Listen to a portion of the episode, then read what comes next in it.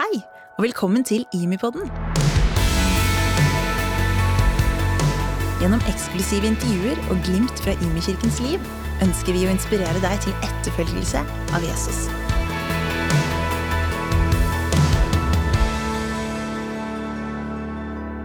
Velkommen til ny utgave av IMI-podden. Jeg heter Egil Elling og er en av pastorene her i IMI. Eh, Tidligere denne uka så starta vi med et nytt initiativ i denne koronatida, nemlig en, eh, et par podkastepisoder i uka for å holde kontakten og snakke litt om hvordan vi opplever og responderer på det som er veldig annerledes tider for mange av oss. Og eh, i dag skal vi ha med to gjester. Først ut er Eirin Sørheim, barnepastor her i IMI, som er med oss eh, på FaceTime. Hallo, Eirin.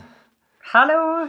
Du, eh, det er mer enn det at vi er litt forsiktige med kontorbruk i denne tida som er grunnen til at du er på FaceTime, for du er rett og slett i karantene. Det stemmer. Jeg har vært i London, og derfor er jeg i karantene fram til søndag. Åssen har det vært? De første dagene tror jeg var greit, men eh, nå så er jeg rett og slett drittlei. Ja. Hva, hva Altså, hva, hva gjør man når man eh, er der inne i karantenen? Nei, jeg er heldigvis eh, frisk, sånn at jeg kan gå på tur, eh, helst alene, og prøve å holde meg unna folk. Ellers så er det på en måte Nå har vi jo hatt hjemmeskole og sånn, så det er jo absolutt nok ting å gjøre. Men det er jo bare å være hjemme og gjøre det best mulig ut av det sånn situasjonen er, da. Du, eh, jeg har tenkt på denne uka ettersom nå nærmer vi oss liksom slutten av uke én med disse rare tidene, og for din del heldigvis, tror jeg, eh, slutten på karantenetid. Eh, Yes. Med min personlighet så, så har det slått meg at noe av det jeg syns er ganske vanskelig, hvis du holder deg utenom det med å være bekymra for folk en er glad i i forhold til sykdom og, og andre utfordringer, så, som er sånn rent personlig, så, så syns jeg dette her med at jeg vet ikke hvor lenge dette varer, jeg vet ikke hva jeg kan planlegge. Altså, Jeg liker å ha en plan, jeg liker å ha en retning.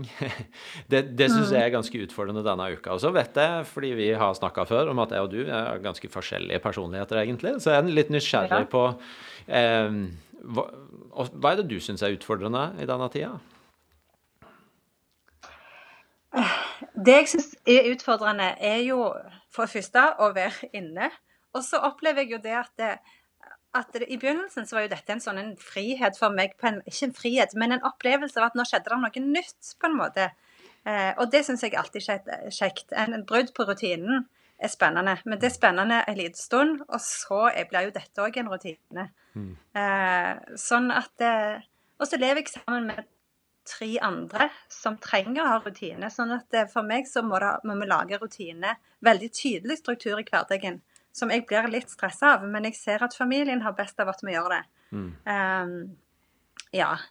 Uh, og spørsmålet Hva var spørsmålet? En gang til. Nei, Det var egentlig bare eh, litt om hva, hva er utfordrende for du når du sitter der i karantene og hverdagen er blitt så annerledes. Ja, og, og så er det, handler det mye om å ikke ha tilgang på andre folk. Andre impulser. Uh, det blir uh, Jeg syns det er veldig flott å være med familien min, men jeg trenger òg andre folk rundt meg. Ja. Og det jeg, jeg tror det er mange som har det som du. Jeg har vært ved noen anledninger tatt med enten bare meg sjøl eller barna mine ut på litt tur her og der, og det har slått meg at eh, det var voldsomt så mye folk som var ute plutselig. Jeg tror det er, jeg tror det er en del som kjenner på behovet for å komme seg ut. Ja. Um, ja. Men du Eirin, du er jo barnepastor, eh, og ja. nå får, som du sjøl er inne på, mange ganske mye mer tid hjemme med barna sine. Må til og med være lærer. Jeg har gått og spøkt med at jeg veksler mellom å være pastor og lektor Tørdal eh, denne uka her. Eh, har du noen innspill til oss foreldre på hvordan vi kan tenke om det at vi plutselig får så mye tid med barna våre?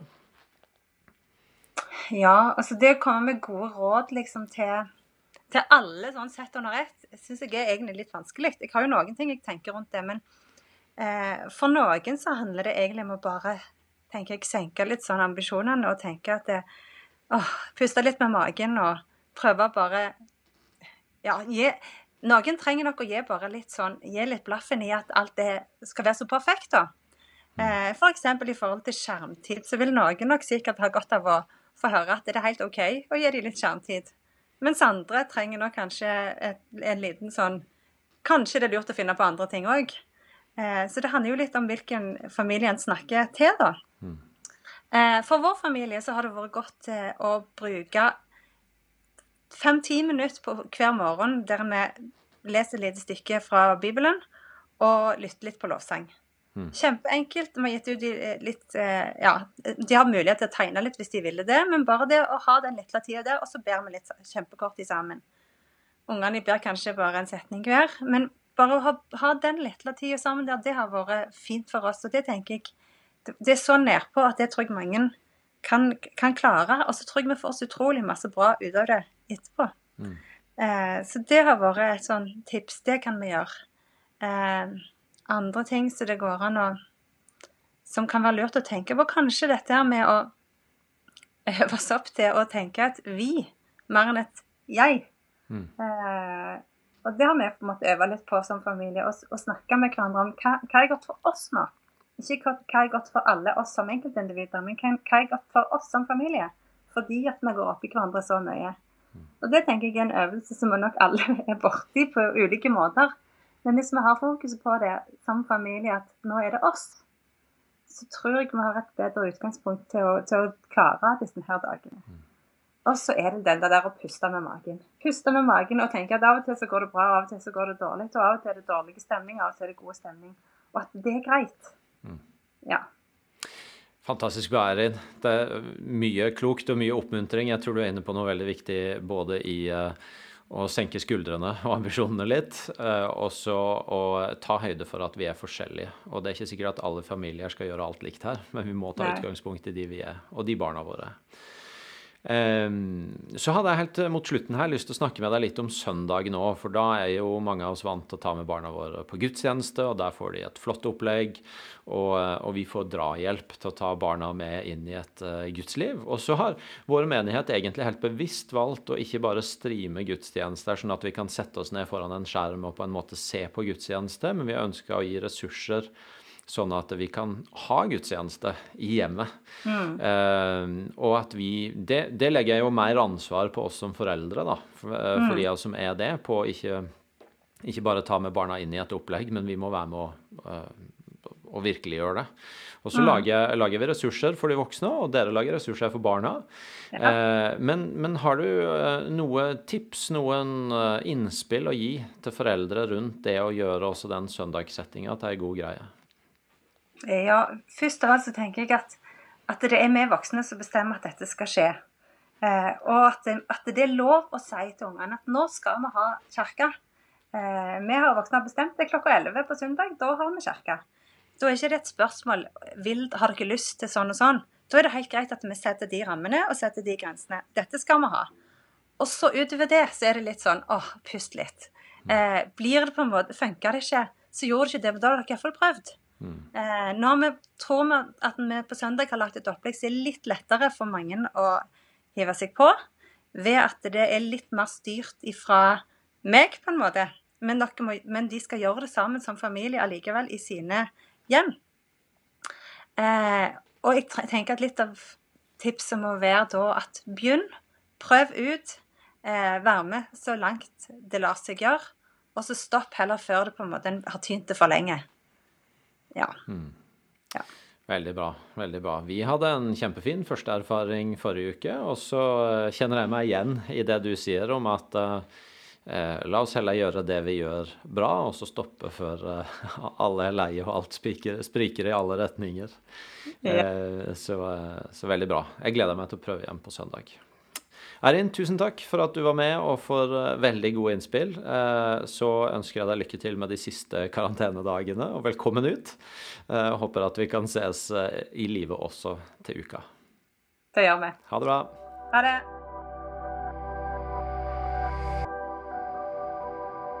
Da sa vi ha det til Eirin, og så har vi fått en ny gjest eh, med på FaceTime. Eh, jeg har vært litt opptatt av Det er lett for oss, eh, apropos det jeg nettopp har snakka med Eirin om, om utfordringer rundt det å ha hjemmeskole og alle sånne ting, at vi kan bli veldig lokale i perspektivet vårt på hvordan denne koronakrisa rammer vår hverdag og våre utfordringer. Og så er det jo en pandemi som går globalt, og som bevegelse så er vi har vi gleden av å høre sammen og stå sammen med mange mennesker mange andre steder i verden. Og en av de vi eh, har gleden av å eh, være sammen med, er Svein Høysæter, som er på Agenda 1-teamet, og som eh, de siste åra har jobba med å starte Agenda 1 i Mali. Svein, først av alt, velkommen. Takk for det. Du, Forrige uke så skulle det være Agenda 1-samling i Mali. Du uh, skulle ikke være med, men eh, det var lagt opp til samlinger. Og så kom jo koronakrisen. Hvordan, hvordan gikk det egentlig? Fikk de hatt samlinger? Ja, de fikk eh, det. Altså, de hadde Planen var at Therese Glendrange, som er Nordmisjonsrepresentant i Mali, skulle være med.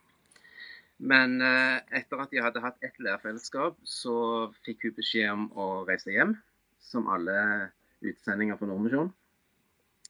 Og da overtok de lokalt uh, alt ansvar.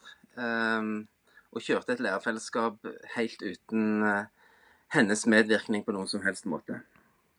Og det syns jeg var veldig kjekt. De var òg klar for å ta det tredje og siste lærerfellesskapet, men da ble det innført restriksjoner i Mali. Mm. Så da kunne de ikke samles. Det er klart, det er, ikke, det er ikke sikkert at alle lyttere vet alt om hva Agenda 1 og lærerfellesskap og sånn er, men, men, noe av essensen her er jo at uh, du har fått gå sammen med noen lokale ledere der, som når, når både du og uh, norske representantene i landet ikke kunne være med, så viser det seg at de, dere hadde gjort en god nok jobb sammen med de til at de var fullt kapable til å gjøre dette på egen hånd. Mm. Har dere fått noen rapporter om åssen det gikk? Vi har fått eh, noen få bilder og eh, noen få rapporter om at dette har gått veldig bra. Mm. Og at de er trygge i den eh, rollen som de nå er, er trent opp til. Mm. Eh, det har jo vært litt sånn for oss fra første dag faktisk i Mali at vi har vi har tenkt at uh, hvor lenge kan vi være her? Og det skyldtes jo situasjonen i Mali, at det er en veldig ustabil politisk situasjon. Og hva om det er siste gang vi er der nede? Og det har vi tenkt hver gang. Så vårt fokus har vært å trene maksimalt de som er der nede. Vi hadde vel ikke sett for oss at det var et virus fra Kina som skulle stoppe oss eh, i Mali. Eh, men eh, sånn foreløpig i hvert fall så er det det som har skjedd. Hvordan oppleves det når du ser at eh, ja, dette gikk jo bra? Ja, da blir jeg veldig stolt og glad. Eh, og tenker at eh, vi har gjort noe riktig. Vi kan aldri forberede oss 100% på sånne situasjoner, men eh, jeg tror de både har kompetansen inne og en veldig vilje til å, til å gjennomføre dette. Og til å å forstå hensikten bak Agenda 1, nemlig at dette er med på å utruste ledere til å lede menigheter på en sånn måte at de kan nå folket. Og det trengs virkelig eh, i den tiden. Svein, du er jo kobla på Agenda 1 i, internasjonalt i flere land, du. Eh, og, og, eh, nå kommer altså en pandemi som, som, vi må regne med at påvirker hele verden. Ser du noen muligheter for de brødrene og søstrene du står sammen med andre steder i denne tida? Jeg tror den, den, ene muligheten som bare oppstår ut av situasjonen, er at de, vi ser at de, de tar større eierskap eh, og ansvar enn det, enn det, de kanskje ellers ville ha gjort med oss til stede. Eh, og det tror jeg er en veldig god ting i utgangspunktet. Og så tenker jeg Der hvor vi kan kommunisere mer digitalt, eh, som i noen av de asiatiske landene vi er involvert i, så, eh, så er det muligheter knytta til dette i tiden som kommer, ikke minst på ledertreningssiden.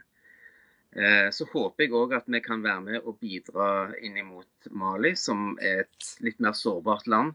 Eh, men vi har jo fortsatt kontakten, og vi har, eh, vi har muligheter til å følge de tett videre. Og det er jeg jo veldig glad for. Og så til slutt, eh, hvordan har du lyst til at vi skal huske på eh, vennene i Mali i bønn akkurat i disse dagene?